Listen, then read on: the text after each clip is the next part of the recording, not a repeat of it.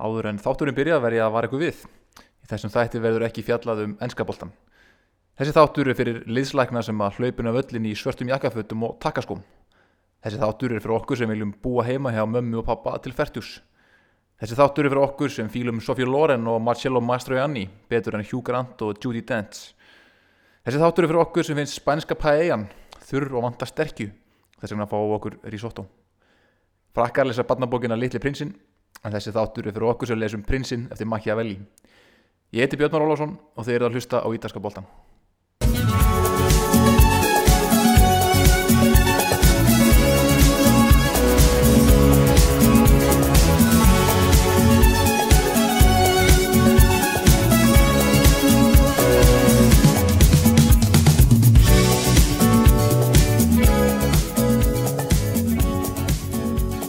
Með þessum tónum Vasko Rossis hefst annan þáttur á Vítarska boltanum.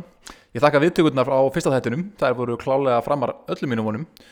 Í þessum öðrum þætti þá ætlum við að fara yfir leikina sem hafa verið í serju A núna uh, síðustu tvær vikur síðan ég var með ykkur síðast. Við ætlum að fara yfir gömlu kallana sem hafa komið vel undan landsleikjarlíðinu, bæði Zlatan Ibrahimovic og líka Fabio Quagliarella skoruði mikilvægum sigurum sinna liða og Gianluigi Buffon stóði markinu hjá Juventus. Ég fyrir aðeins betur yfir framistöður þessara miðaldra kvítu kallmanna hérna rétt á eftir. Ég ætla að byrja að fara sér yfir leiki vikunar, síðan ætla ég að fara aðeins yfir hérna uh, Íslandingana sem að hafa verið að spila uh, og ekki spila í serju A og serju B og það var líka bætast við uh, Íslands stelpa í ítalska boltan. Síðan ætla ég að fara aðeins yfir, ég segi þessa gömlu kalla og aðeins sögu þeirra, hvað daga þeirra hefur dreyðið núna undan fari hérna, mánuði og ár og síðan ætla ég að enda þetta á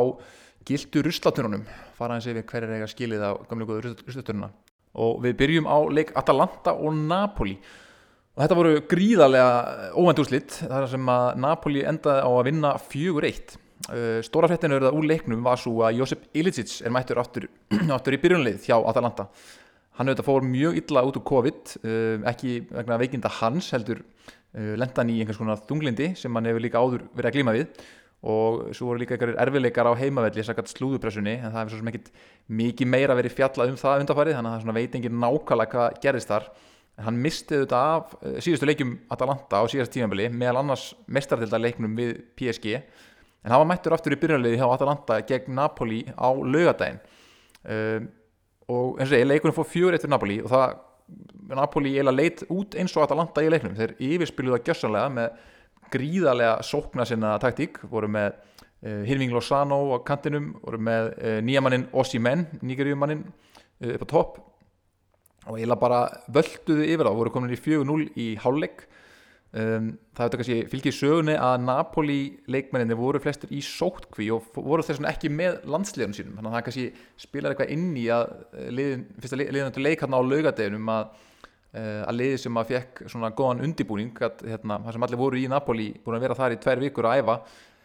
Uh, já, þeir, þeir allan grættu á því og þeir voru miklu betri allan leikin þessi Viktor Ossimenn var eins og einsmanns heyr upp á topp, stór og sterkur hann var að flikka boltanum inn fyrir á sjálfan sig og svo var hann með hennan eldsnöga Mexikana, uh, Hirving Lozano uh, hlaupandi kringu sig. Þessi Lozano var kiftur frika dýrt fyrir, hérna, fyrir árið síðan en Carlo Ancelotti gæti eiginlega ekkert notaðan hann var átti kuldanum e, í fyrra undir Ancelotti en hefur byrjað þetta tíma, tímabil núna alveg gríðalega vel. E, það segir svolítið um leikinn að hérna, e, Atalanta hefði skipt út miðverðum hjá sér í hálfleik eftir umulega framistuð þannig að þetta var, og í setni hálfleik var leikurinn aldrei hættu fyrir Napoli. Atalanta náða að klóri bakkar með einu marki en þetta var, var yfirspilun og Napoli menn voru líka kannski með uh, blóð á tönnunum eftir að hafa uh, tapað skrippborsleik uh, gegn Júvendus 3-0 þar sem var dæmt, dæmtur hérna, dæmt 3-0 tap eftir að þeir mætti ekki til leiks í Torino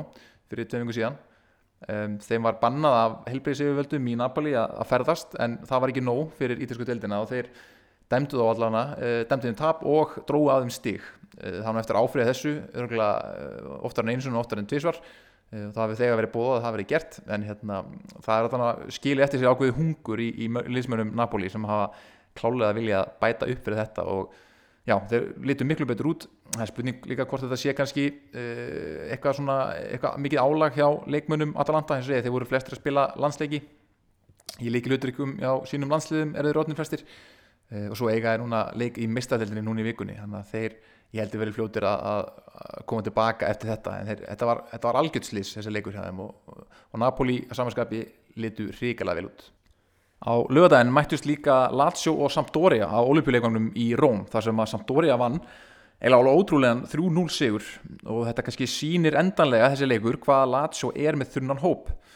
uh, leikmaður sem ég hef áður talað um uh, trúðurinn Patrik er byrjunleismadur í vörninni sem er maður með, með stöðugan varamannapúls.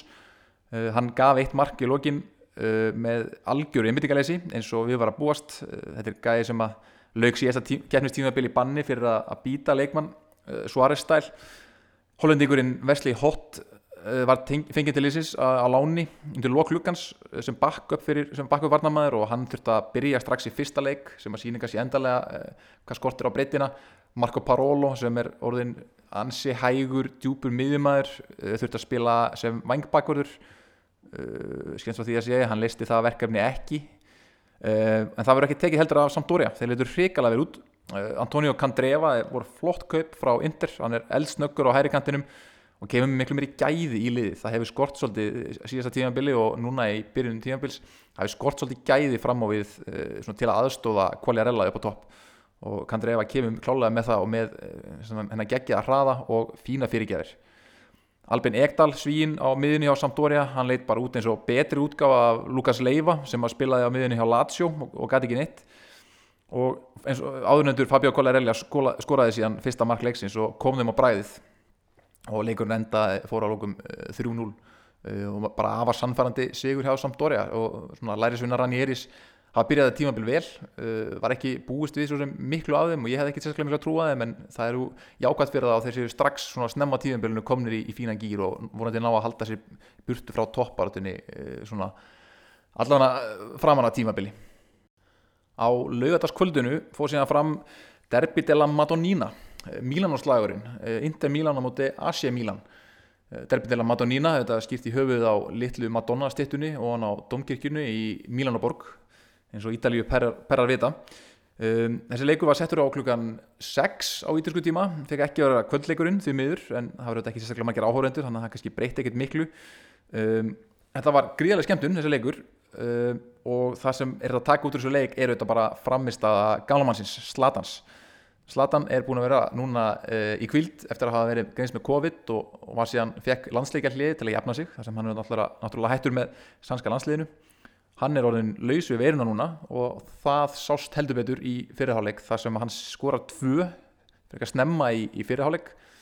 fyrst uh, fara viti sem að klúðrar en, en nær frákvæmstunum og skorar og síðan skorar hann eftir, eftir frábara fyrirgjöf frá vinstri. Og þá menn geta að fara að skoða highlights úr þessu leik eða bara highlights frá slatan í þessu leik. Hann var gjáðsvonlega stórkostlegur uh, þú getur sendt bolta hvernig sem er upp á topp og hann nær að taka niður og halda varnamönunum frá sér. Varnamenn indir áttu ekki góðan dag sérstaklega hérna í, í fyrraháleik Aleksandr Kolarov sem hafa kiptur til Róma, gamall varnamæði sem að Konti vildi endilega að fá hann uh, leisti það hlutverk alls ekki vel gaf vítið og, og uh, misti líka slatan í dekningunni í, í setnamarkinas þannig að þetta varnarleikunum eindir hrika leit út. Uh, liðin mættust í februar uh, þessu ári, rétt árum COVID skall á. Og þá komst Asi Milan í, líka í 2-0 yfir en Inter vann á lókum 4-2 þannig að það er svolítið hægt að sjá hvað Milanoliði, Asi Milanliði hefur þroskast mikið frá því í februar þegar slatan verður bara nýkominn til liðsins og þetta er núna því að það ná að halda Inter uh, leifa þeim bara að skora þetta eina mark og ná að vinna leikin eftir að hafa komið svona í 2-0 það er gríðarlega stert og á samanskapið sínir kannski að hjá Inder mórallin það er kannski ekki alveg eins góður og konti er ekki alveg að ná uh, að berja leikminna til hlýðinni eins mikið og hann gerði í februar leikurinn endaði þess að 2-1 fyrir Mílan Inder skoraði uh, eitt mark í fyrirháleik en vörninu á Asi Mílan lítur mjög vel út. Danin Simon Kjær sem hefur svo sem ekki átt eh, sérstaklega eh, góðu gengi að fagna síðustu ár og var mörg spurningamarki sett við hann þegar hann kom til AC Milan. Hann er að spila fárunlega vel en uh, þetta er, flesti, og flestir tala um það að þetta er Zlatan og hans hugafar sem er komið inn í hópin og já, ég ætla aðeins að fara síðan betur yfir þetta, þetta hugafar Zlatans sem að, hérna, og hvað það er sem hann gerir sem að kemur, uh, kemur þessu AC Milan liði í Já þess að þetta er ótrúlega rönnsið þeirra á þeir eru að fara að slá þeir eru verið að slá alls konar með það kemur því að vinna marga leikir eða tap ekki marga leikir röð þannig að hérna, já, komast Latans er klálega kannski stærsta fyrirsögnin í þessar boltarum á, á þessu ári. Lukaku var síðan ekkert langt frá því að jafna þetta í uppbóta tíma en hælspinnan hans frá 5 metra færi hún fór beint á Gianluigi Donnarumma sem átti fína leik í, í Milanomarkinu þannig að lokatörur urðu sér satt 2-1 fyrir AC Milan. Á lögataskvöldinu var síðan eh, henn svo kallega stórleikur þar sem að Juventus mætti nýliðum Crotone á Ezia Sita vellinum í Calabria hér að Suður Ítaljum og lauk þeim leik á einhvern ótrúlega hátt 1-1 og Crotone mennir er sennilega bara jafnvel pínu svektir að hafa ekki unni leikin Gáningarnir á Ítalju vilja meina að Juventus sé alltaf raunin að spila heimavelli þegar þeir mæta til Suður Ítalju en hérna af, af ansi svona flóknum ástæðum þá áliði sér gríðalega marga stuðnismenn um leiðu ferð sunnar en Napoli. Uh, já, ferði einhvern smábæ Suður Ítalju sunnar en Napoli þá er öruglega helmingurinn Juventus stuðnismenn en uh, þeir voru án Cristianos Ronaldos á lögataskvöldi því að Ronaldo er líka greindur með koronaviruna hann veiktist í landsleikja hliðinu og var fluttur með með flugi til Torino þar sem að sjúkrabíl beði eftir honum á vellinum og, og okkur um heim. Hilsan hans á svo sem að vera góð. E, sennilega var bara um einhverjar öryggisrástaðunum að ræða sem að hérna, hann er annarkot sjálfur pantað eða, eða tryggingafélagið hans jafnvel. En e, án Ronaldo þá byrjaði Juventus í 3-4-2-1 kerfinu með nýja mannin Federico Chiesa á hæri vengnum e, sem kom frá Fiorentina Eh, undir lóklugans og svo voru þeir með braslíumannin Artur á miðinni sem kom frá Barcelona í, í skiptum fyrir Miralem Pjanic á miðinni uh, síðan voru þeir með uh, Morata, Alvaro Morata upp á topp. Og fyrir aftan hann voru Dejan Kulusevski og, og ungur leikmaði sem heitir Portanova sem átti svo sem ekkit sérstakanleik Juventus voru alls ekki góður í leiknum og lendu undir strax eftir tímyndarleik þegar Stormcenterinn, nýgriðu maðurinn Simi skoraði á viti sem að og hann áða til að skora gegn Juventus. Hann hefur í síðast eða Krátónið var í efstild þá skor hann uh, á Juventus Stadium með glæsilegri hjólsarspinnu uh, eh, en Juventus jafnaði leikinn eftir 20 mínútur þar sem var á ferðinni uh, Morata eftir fyrirgjöf frá Chiesa.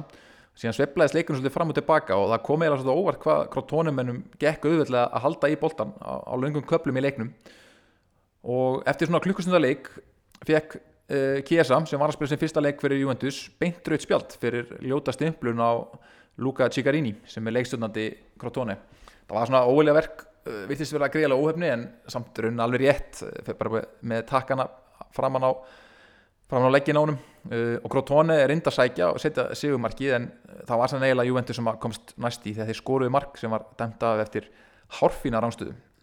Juventus er núna með 8 stig eftir fjóra leiki. Þar af þar af uh, þrjú stig sem þeir fengu með skrippbórserinum á Napoli. Og þeir hafa ekki ennþá lítið eins vel út og vélinn sem þeir hafa verið síðust ár. Uh, Pirlo er ennþá að fykta og pröfa þessu áfram með leikjari sitt. Varnalínan var svo sem allt í lagi þessum leik en sóknarleikurinn gekk ekki nægilega vel. Dybala var að begnum allan leikinn og var alls ekki sáttur við það. Þannig að hans býður æri verkefni og það er spurning hvernig hann ég held að hann munum bara halda áfram að reyna að tinkara við liðið pröfa sig áfram og finna formúluna. Hann, hann líkur ekkert á, liðir ekkert langt á eftir uh, toppliðanum liðir, liðir er hérna alveg í toparátunni og svo lengi þeir halda sig þar og, og meðan þeir eru að finna sitt sterkasta lið þá, þá held ég að þeir hafa eins og sem litlar áhyggjur. En 1-1 á móti Krotóni á útvöldi það er ekki góð niðurstaða fyrir Juventus. Á sunnudeginum tók svo við algjör geðviki þar voru 5 leikir á dagskrá og 28 mörg voru skorið Í háttegisleiknum tapaði Bologna, Íslandingaliði Bologna á, á heimavelli fyrir hennum stór skemmtilegu Sassuolo-mönnum, fjögur þrjú. Andri Fannar Baldursson, uh, okkar maður, satt á begnum og kom því miður ekki við sögu uh, og hann hefur ekki komið við sögu í þessum fyrstu leikjum tímabilsins uh, sem búið ekki gott en það má eins að, eins og að nefna það að Sinisa Mihailovic myndist á Andrafannar í, á blagamannafundunum daginn fyrir leik og var þar að tala um uh, miðjumennina, fekk spurningu um svona gæðin hjá, á miðjumennunum hjá, hjá, hjá honum og nefndi þá sérstaklega að hérna, Andrafanna sem einn af þeim leikmunni sem hann sagði að væri tilbúin til að starta leiki í, fyrir liðið. Þannig að það er múnandi að, að hann, hún er sér alvara með þessu og hann e, veitir þá okkar manni e, tækifæri á næstunni. E, Varnarleikurinn hjá Bologna var afskalvað dabur, þeir komist yfir í leiknum. Það solo er alltaf með gríðala skemmtilegt sóknarlið spila blúsandi bolta, þannig að það var gefið þetta er eitthvað sér opinn leikur en varnarleikurinn er eitthvað sem mér hefði verður að taka sér á. Um, þeir eru með fína einstakleika inn á milli eh, Japanin Tomiyasu sem að skora þetta sjálfsmarki leiknum er efnilegur uh, varnamæður sem hefur orðaði við stórlið AC Milan og fleiri. Um, eru með ungan eh, skoskan vinstri bakvörð sem ég áður minnst á sem að á að vera mikið efni en e, það eru þarna já, það, er, eru þarna menn sem, að, sem eru kannski komin að litast að skeiði og, og það fá á sig fjögur mörg á heimavelli og, og tapa e, tapa þrátt fyrir að þú skorir þrjú mörg það er auðvitað alls ekki ásættanlegt þannig að þeir verður ekki sáttu með það e, síðar á sunnudeginum gerði Fiorentina ótrúlegt 2-2 jafntefli gegn nýliðum Spezia eftir að koma til 2-0 eftir aðeins fjóra mínútur. Og það sem meira er Spezia var án eina mannsins sem hafi skorað mörg fyrir þá á tímabilinu. Uh, hann hérna Andrei Galabinov búlgarski frammerinn sem hafi skorað öll mörgin fyrir lið hann mittist í síðasta leik og var ekki með. Uh, og samt tókst Spezia að ná hann í, í, í eitt stygg þráttur að hafa lendt 2-0 undir á fyrstu fjóra mínútunum. Beppi Aquini, uh, þjálfari Fiorentina var kannski heitur sæti fyrir leikin en hann rík heldur í þetta 3-5-2 leikjari sitt. Og Gárunga vilja meina ef hann myndi kaupa ef Fiorentina myndi kaupa Mbappe og Messi og Lewandowski og Kane og Bale og Ronaldo þá myndi hann ekki tóri hvaða leikminn hann væri með. Hann myndi bara halda áfram að spila sitt 3-5-2 kerfi sem að hendar yngan veginn hópnum sem hann er með þannig uh, að hann er í uh, heitusæti uh, mjög líklegur að missa vinnuna. Um, þeir eru, þeir, eru með Ríberi þeir eru með gæði í liðinu miklu í gæði heldur undar spesialið sem er rauninni bara já, samansetta leikmennin sem enginn þekkir. En gríðala stert hjá Spezia og, og Vincenzo Italiano sem hefur unnið þetta þrekverki undarfæran ár og hef, er talin með efnilegri þjálfurum Ítalju, það er kannski eitthvað í hans bunnið og hérna, hann er að sína allan betri árangur heldur en eh, við var búist áður en tímabili hóst Nú á sunnundaginum mætti Torino uh, Cagliari á heimavelli í líka stórskemtilegu leik. Leikunum fór 3-2 fyrir Cagliari þar sem að Andrea Bellotti framherri og fyrirlið Torino skoraði 2 mörg og uh, ég hefði átt að skora þrjú mörg ef að uh, markið sem hann skoraði þriða markið hjólesaspilna sennilega mark ásins, það var dæmt af uh, vegna rángstöðu held ég Vartanleikunni Torino, alls ekki nógu góður og Marco Gianpaolo, þjálfari Torino er annar þjálfari sem er í heitu sæti. Spilamennska framöfiðið var svo sem fín miklu betri heldur en í fyrirleikum Karolinetti, pólski miðjumæðurinn sem hann tók með sig frá Sampdoria átti fína leik á miðunni og maður er svona aðeins fann að sjá fingra fyrir þjálfar hans á, á sóknarleiknum. En varnarlega var þetta alveg umulögt og, og það er Kaljæri ná að skora þannig að þrjú mörg á útífelli það er bara ekki nógu gott og Tórinu er að setja það mikið pening í þetta og það mikið, það mikið metnaður fyrir þessu að ég eiginlega bara trú ekki að, að þetta fari ekki að hafa afleiðingar fyrir Gianpaolo ef hann fyrir ekki að, að krafsa í stig uh, eins fljótt og hættir síðan vann út í Nese Parma í leik tveggja liða sem að höfðu vægast sagt byrja tímabilið umurlega Út í nesumenn fengu að halda í Rodrigo de Paul stjörnu leikmanni sinn sem að einhvern veginn öll liðin í Evropu vittist vera á eftir því að klukkin var opinn þar á meðan Leeds, hann startaði leikinn fyrir aftan uh, því skemmtilega framherja par aðrættur eftirréttur lasagna og kaka uh, Talsveit er um nýjum nöfn hjá Parma ég er svona ennþá að reyna að setja mig inn í hvað alla þessar leikmenn sem þið voru að sæna frá Suður Ameríku meðal annars. Uh, Parma menn byrjuði betur þetta var svo sem leikunni fór 3-2 fyrir út í nese 2-3 af þessum mörgum öllum í þessum leik voru klafs eða skot í mann uh, fram hjá markmanni og inn þannig að þetta var svona ekki, hann fátt um fína drætti mikill baráttu leikur. Um, þar sem maður segi, Parma komst yfir svo komst út í nesi yfir og endanum jafnaði Parma og svo setti Ignacio Pusetto um, frammerinn sem leik með Watford á síðast tíðanbili setti sigumarkið tveimum mínutum fyrir leikslokk með, með glæsilegu skoti. Og þetta er ekki óskabyrjun fyrir nýja fósetta Parma. Og hvað þá fyrir nýja þjálfvara liðsins Fabio Liverani sem að já, var fengið til liðsins til að breyta svolítið leikstil liðsins. Um, hún er með svo, svo sem vorkun eins og ég segja þeir þurfa að hafa verið að endur nýja leikmannahópin sér svolítið. Uh, en það var erfitt að sjá þessum leik svona nákvæmlega kannski hvaða, hvaða leikmenn hérna sem að, sem að já, eiga að halda byrjunlega sætið sínu og hvaða leikmenn þeir hérna hjá Parma sem að eiga að draga vagnin, það, það skortir ennþá svolítið á gæði fyrst mér. Nú á sunnundaskvöldið mættu svo Róma og Benevento. Benevento menn mættu þetta með inna, e, Pippo Inzaghi í brúni og mættu spræki til leiks og komist yfir eftir hans þrjár mínútur og spiluði fína sóknarleik, ægilega allan leikin en e, sóknarþungi rúmverjana var talsveit meiri. Og Mkhitaryan átti frábæranleik sem og e, Petro og Edin Dzeko, þeir skoruði allir. Já, eiginlega bara léku sér fram á við. Þóttir hafið ég segi, lendi smá barsli hann í byrjun. Og svo var það spánvergin Carles Pérez sem er uppalinn á Barcelona sem að raks miðshöggið á já, frekar örugan að lókum 5-2 sigur Róma með glæsilegu marki þar sem hann já, spretti með boltna frá eigir vallarhelmingi og smeltur um í, í fjárhóðnið og þetta er það sem að, það sem að ítalir, ítalski lýsendur myndu kalla Eurogól, eins og ítalirnir kalla falleg mörg á mánudeginum mættust síðan uh, Genua og Verona og ég ætla bara að eða jafn mörgum orðum í þann leik og sá leikur á skilið. Hún leik 0-0 Uh, Genoa var með halvt lið greinilega í sótkví. Uh, þannig að maður þekkti að valla nafn á þeim lista og sami á Verona það vantaði stóra postaði á þeim. Þannig að sá leikur fór 0-0 og var eiginlega svona eini svona alveg óspennandi leiðilega leikurinn í þessar umferð sem var annars aðurleiti mjög fjörug Ef við skoðum síðan næstu umferð sem feð fram núnum helgina þá uh, mætir Sassuolo Torino á heimavelli Sassuolo. Á, það er á förstaskvöldið lögadaginn mæta síðan Atalanta og Sampdoria. Genoa mætir Inter og svo mæta Andrefannar og félagar í Bologna mæta síðan Lazio á útivelli um kvöldið á lögadaginn Sunnudaginn mætast Cagliari og Crotone á Sardiníu uh, Napoli fer til Benevento nágranna sinna, nágranna slægur hérna í Surinu síðan mætast Parma og Spezia. Eh, Fiorentina fær Udinese í heimsókn og Juventus fær Hellas Verona í heimsókn á næsta sunnudagskvöld. En aðalegurinn, stórleikur umferðarinnar er á mánudaginn þar sem AC Milan fær Róma í heimsókn. Eh, Róma, Rómirar hafa byrjað tímbil ágætlega eh, þrátt fyrir hennan þetta eina skrippborstap sem þeim var dæmt eftir klúðrið gegn Verona en hafa auðvitað spilað ágætlega, það fyrir vel og saman með AC Milan sem hafa nú ekki tapað ég veit ekki hversu mörgum leikjum í röð uh, og virðast vera óstöðvandi. Það er, það er erfitt að sjá fram á að, að, hérna, að Mílan sé að fara að tapa þessu leik en ég held að þetta geti orðið stórskjöntilega leikur og bæði lið sem að hvort liðið munir samt uh, leggjast tilbaka, bæði liðið eru mikið sjálfströst og munir örgulega að sækja þarna til sigurs. Ef við rennum þá aðeins yfir Ísendingana á Ítalíu þessa helgina Það var eins og sæði, Andri Fannar var á bekknum alla leikin en er líklegur til að fara að starta leiki, sanga því sem að síni sem Mihailovic segir á blamarafundum.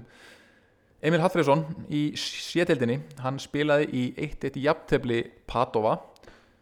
Uh, Óttar Magnús Karlsson var á bekknum alla leikin hjá Venezia sem gerði markalist jafntefni á útivelli gegn Cremonese frá Cremona.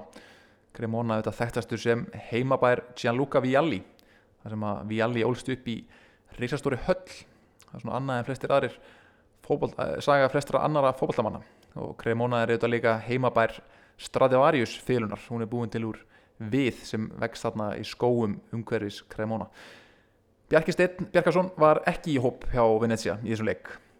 Uh, Birki Bjarnason og Holbert Aron Fríðansson leik með Brescia voru ekki í hóp Brescia í þessu skiptið þeir áttu leik á uh, föstudarskvöldið eftir, bara tveimur dögum eftir landsleikin hann að Birki Bjarnarsson hefur öllun ykkurtum verið annarkort kvildur eða uh, einfallega í sótkví hann var auðvitað talsveit um, um smitt í, í þessu landsleikjalli uh, þannig að já, sennilega snemt fyrir hann að mæta í, í hópin um, hann auðvitað sagði í viðtali uh, fyrir landsleikina eftir að hafa verið hann áður hann var hérna fyrirliði uh, gegn Belgum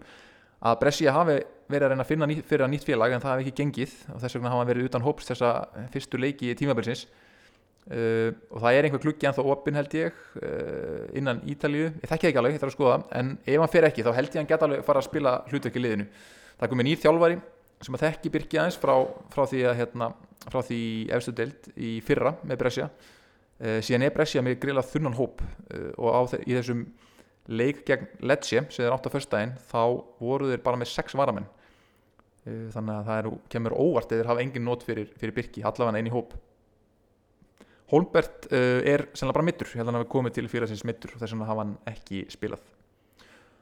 Síðan bættust við enn fleiri Íslandingar uh, Sigrun Ösp Algistóttir leikmaður Gróttu er orðið núna nýjasti íslenski leikmaðurinn á Ítalju hún fór á lán frá Gróttu til Serius C til Apulia Trani sem er bær, e, frá bænum Trani í Puglia hér aði á Ítalju Trani er einmitt mitt á milli erkifjöndan að tveggja í, í kallaballanum Foggia og Bari á suðaustuströnd landsins hælnum á Ítalju þannig að við óskum hennu þetta góðskengis e, liðið er í dýriðli sételdar og er með þrjústík eftir eina umferð. Þannig að hún er hérna í riðli með liðum frá Róm og Palermo og Lecce og Crotone. Þannig að hún er auðvitað að fara að skoða hérna að fara að ferast til skemmtilegustu borga Ítaljum, það er alveg hennu og bara vonandi að að bætist við fleiri íslenskir leikmenn uh, í kvennadeildinar á Ítalíu. Svona rétt áður en ég uh, veiti guldnu rustatunnunar og fer að ljúka þessu af þá ætlum ég að fara aðeins yfir gömlukallana sem að, stó, sem að eiginlega bara áttu þessa umferð á Ítalíu. Og það er þá annars vegar Zlatan Ibrahimovic með framistöðu sinni í Milano derbíinu uh, og Fabio Quagliarella. En ef við byrjum á Zlatan eins og ég sagði á hann, hann er nýkomin aftur eftir koronaveiruna það er ekki bara þessi veira sem hefur já, svona ángraðan þessi, þessi síðustu mánuði því að ég fyrir sem ekki sé mikið fjallað um það í íslenskum fjölmjölum En það kom út áhugaverð bók fyrir já, nokkrum viku síðan í Svíþjóð sem einn uh, þekktasti bladamæði Svíja, Ólof Lund sem hefur fylgst með lands, landsliðinu sænska í, í ára tugi, uh, gaf eitt bók sem fjallar um sænska landslið og fjallar þá sérstaklega er það kapli um uh, Zlatan Ibrahimovic sem hefur vakið mikla aðtigli og skapað mikið fjadrafók bæði fyrir hann og líka fyrir stjórn sænska landsliðsins. Því að í þessari bók fjallar Lund um það hvernig Zlatan er í klefanum hvernig hann kemur fram með liðsfélaga um, og dregur upp í rauninni frekar dökka mynd af því hvernig framkom hans er og það hvernig engin uh, starfsmæða landslinsins eða liðsfélagi þorir að stöðvan eða segja neitt þegar þeim finnst hann gangu langt. Uh, hann er auðvitað þekktur sem sigurvegari og hefur verið leitt og í og sigurvegari hvert sem hann fer en það er engin eh, það er hérna, það er ekki vafa því heldur að hann er erfiður og ef þú ert ekki standaði þá er hann fyrsti maðurinn til að láta þig heyra það og hann, hann reynist þér gríðarlega erfiður ef þú ert ekki tilbúin að leggja það á því sem þarf til að vinna. Og sumi leikmið þóla það og aðra leikmið þóla það ekki og er þá oftast seldir. Og er þá í þessari bók Ólóslund er sérstaklega nefnd eru nefnd hann að atvik þar sem að uh, Slatan eftir uh, leiki eða æfingar tekur fyrir leikmann og fer með hann inn í herbyggi við hliðin á búniskleganum og gefur honum hárþurkuna á meðan allir liðsfélagar hann sitt inn í klefunum og skjálfand á beinunum. Og þetta mér er ekki það langt að á einhvern tímapunkti að eh, starfsmæður eða maður í starfsliði landsliðsins eh, sem er aðstúa þjálfvaran hann fór og þetta að loka hurðinni svo það myndi ekki heyrast uh, út húðunin sem að liðsfélagi, liðsfélagi strákana í landsliðunum var að fá frá Slatan og það var svo sem alveg vitað að Slatan er ekkert auðveldur við að eiga og hann gerir mikla kröfu til liðsfélagi sinna. En þetta er einmitt það sem að ja, hann hefur líka verið að gera hjá AC Milan koma inn, uh, gera kröfur um framistöður, gera kröfum að menn geri og hlýði honum. Hann hefur fengið að ráða gríðarlega miklu hjá AC Milan. Hann hefur uh, sterkar rött það kemur að því hvaða þjálfar er ráðinn sterkar rött það kemur að því hvaða leikmennur eru fengnir jáfnveg hvernig byrjunliðið er. Þannig að þetta er, mér finnst það áhugart uh, að sjá þessa bók Ólóslund um það hvernig, hvernig uh, raunverulega er á baka tjöldin í, í sannska landsliðinu þegar Slatan var þar. Það hefur skapað gríðalega, skapa umræð um Slatan og, og sérstaklega Slatan og landsliðið. Svíja þreytast ekki á því. Hann hefur líka verið óhættu við að gaggrina uh, núverandi landslistjálfara fyrir ímislegt þannig að Slatan uh, hann á ennþá einnigstæði fyrir því að því sem verðist hann hefur rifið að sér Mílan upp á hæra plan og já svo lengi sem hann heldur áfram að skora með þessu tempói sem hann er að skora núna þá, uh, þá mun enginn geta sagt neitt. En Slatan var ekki eini gamli kallin sem átti góða helgi þar sem hann skoraði heldur skoraði líka Fabio Quagliarella uh, í þjónuðu sigri Sampdoria á Lazio. Fabio Quagliarella verður 38 ára í januar og hann er ennað þrjuminn mörgum í serju A. Í fyrra skoraði hann 11 mörg í 28 leikum í mjög slöku Sampdoria liði en tímabilið undan skoraðan 26 mörg á tímabilinu og var í kaplöfi við Ronaldo og Giro Immobile um markakongstitilinn Quagliarella á eins og Zlatan mjög áhuga að vera sögu og hefur átt gríðarlega erfiða tíma og svona á sig kannski sögu sem að fáir þekkja. Því það var eldirhellir sem að eiðilaði fyrir hann mikilvægast að hluta ferilsans þegar hann spilaði fyrir æsku draumafélagið Napoli En uh, Fabio Colerella er fættur í Castellamare di Stabia sem er hverfi í útíðaðri Napolis, hínum með við Napoli-flóan. Einhverju þekki kannski Castellamare di Stabia vegna þess að í því sveitafélagi er hinn forni bær Pompei staðsettur sem varð fyrir Vesuviusar góðsunu. Castellamare di Stabia er ekki auðvöldur stað til að alast upp á marga mælikvarða. Það er knastbyrnum félagi Juve Stabia liði sem hefur spilað í bíadeildinni með granitara stunismenn sem að Emil Hallfreðsson hefur kynst í sínum leikjum í neðrætildum Ítalju en Quagliarella sem fættist í Stabia dreymdi samt ungur um að spila fyrir Napoli og það gera flestir ungi strákar sem alast upp á þessu svæði.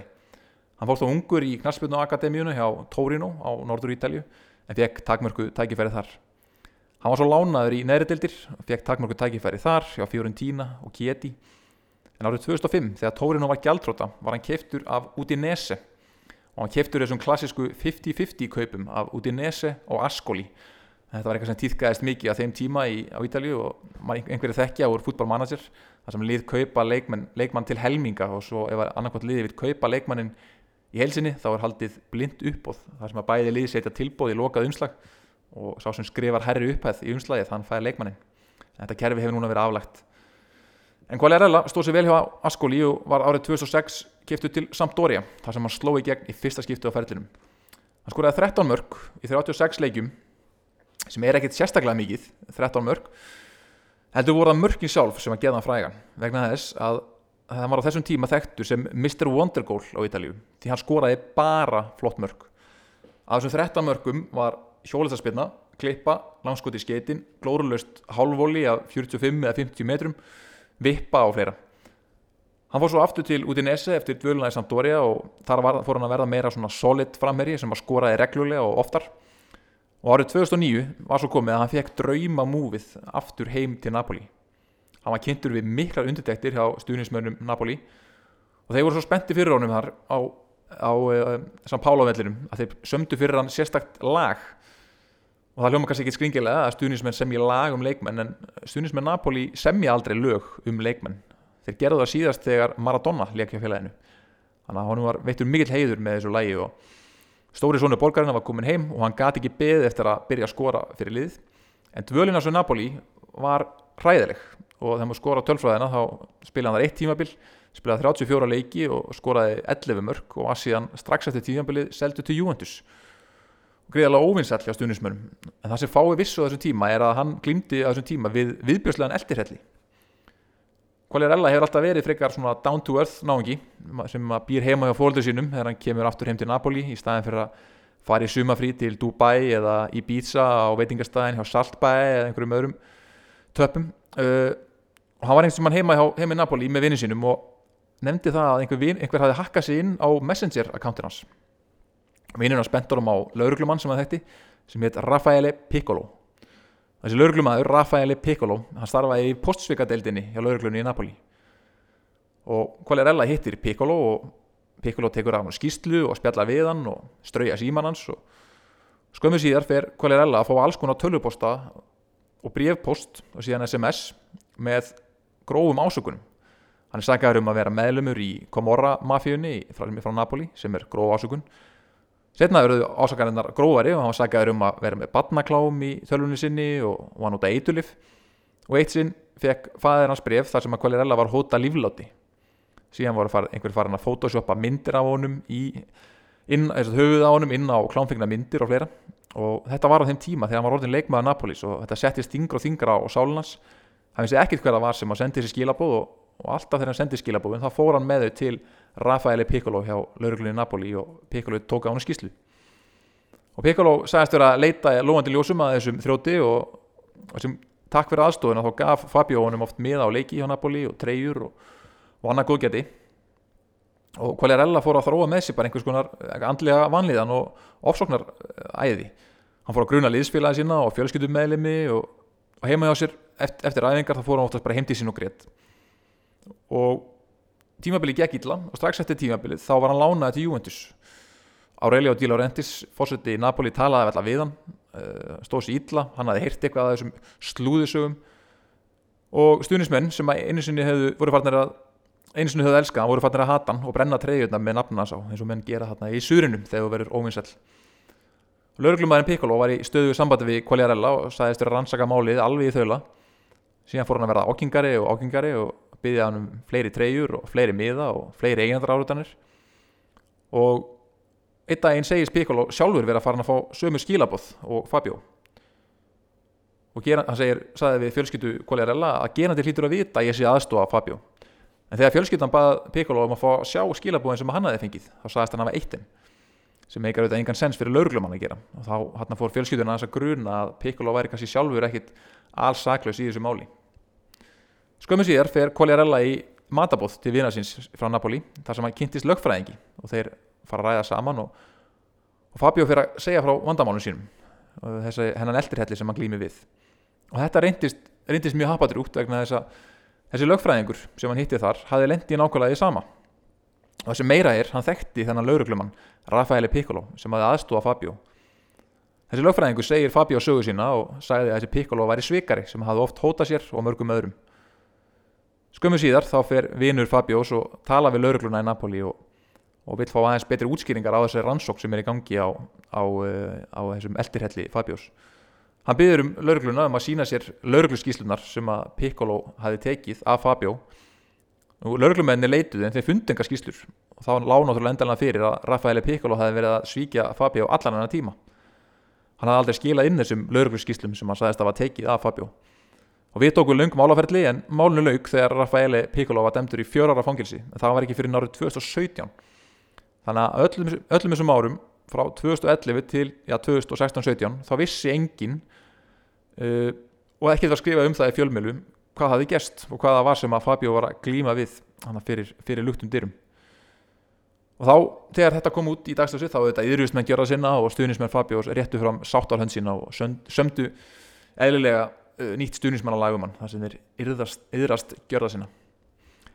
Nú, fyrir Fabios lág upp á við eftir að hann fór frá Napoli til Juventus. Hann vann þrjá deildamestratilla og átti síðan fassalan ferir með bæði Torino og núna með Sampdoria þar sem hann er auðvitað fyrirlið og helsti markaskorara liðsins. Og inn á milli, milli þess að hann skora venjuleg mörg, þá hefur hann líka passað upp á að halda vel í rætuna sínar með því að skora stórkostlega falli mörg. Í hugum flestara þá er Fabio Collarella nefnilega ennþá Mr. Wondergoal eins og hann var hann þegar hann slóði gegn árið 2006 og næstuðið sjáuð Fabio Collarella skora mark fyrir Sampdoria, hún er 38 ára gammal það skulle, skulle hugsa til allra þessara rauna sem hann hefur gengið í gegnum á sínum ferli.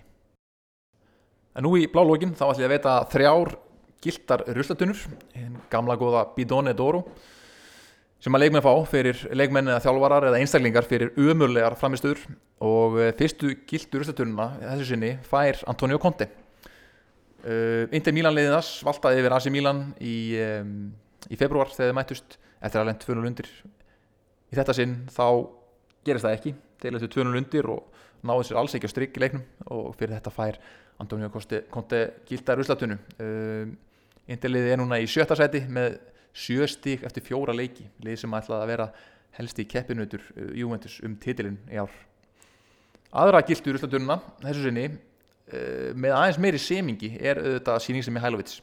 fyrir að spila ekki andra uh, ekki eina mínútu þessu tímafili Uh, hann hefur, hann fær tíma til að bæta ráð sitt og eins og hann sagði sjálfur á blamannfundurum, vonandi fær Andri Fannar að starta. Það verður spilað þétt núna frá með jólum og bróni á marga leiki, þannig að við vonum að hann, hann bæti þetta upp og hann fái þá já, fái þá eitthvað annað, eitthvað rós í staðin fyrir þessa, þessa, þessa gildu í Ruslatunnu og þriðju í Ruslatununa fær Beppi Akini, þjálfari Fiorentína vegna þess að Fiorentína á ekki að tapa neyður 2-0 fóristu, sem þeir fá eftir, tvær, eftir tvær, fjóra mínútur á móti Spezia, nýliðum Spezia sem er ekki eins og með markaskorar inn á vellinum.